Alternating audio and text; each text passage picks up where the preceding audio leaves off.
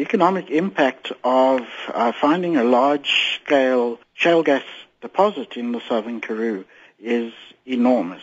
At very, very conservative estimates of the volume of gas that may be available, which really only amount to about 4.5% or 10% of what the U.S. Energy Intelligence Agency estimates to be under the ground, one gets uh, colossal amounts of value added.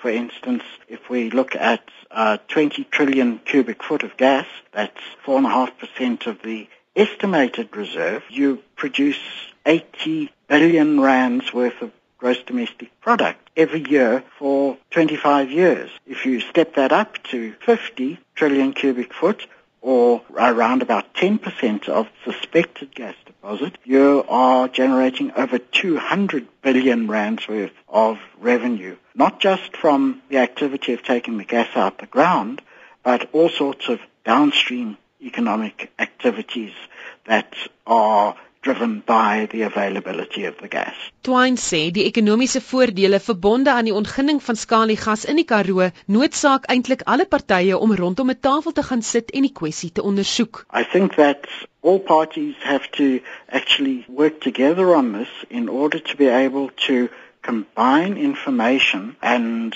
their hopes and fears so that a proper assessment of both risk and reward can be made, a balanced assessment, and so far the focus has been almost entirely on the risk, and our report is really the first one that puts together a coherent discussion of the potential rewards as well. You need to look at both.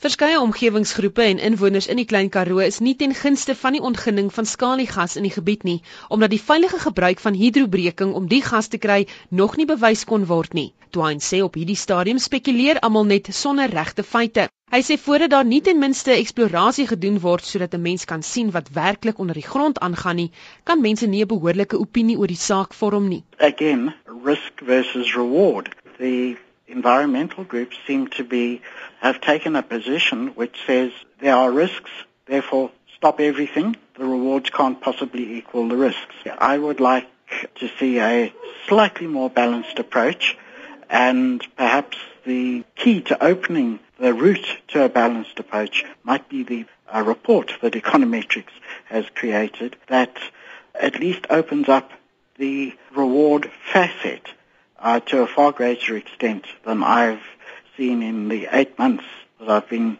working on the research. There's been very little written about the rewards and people are trying to form opinions based solely on the risks.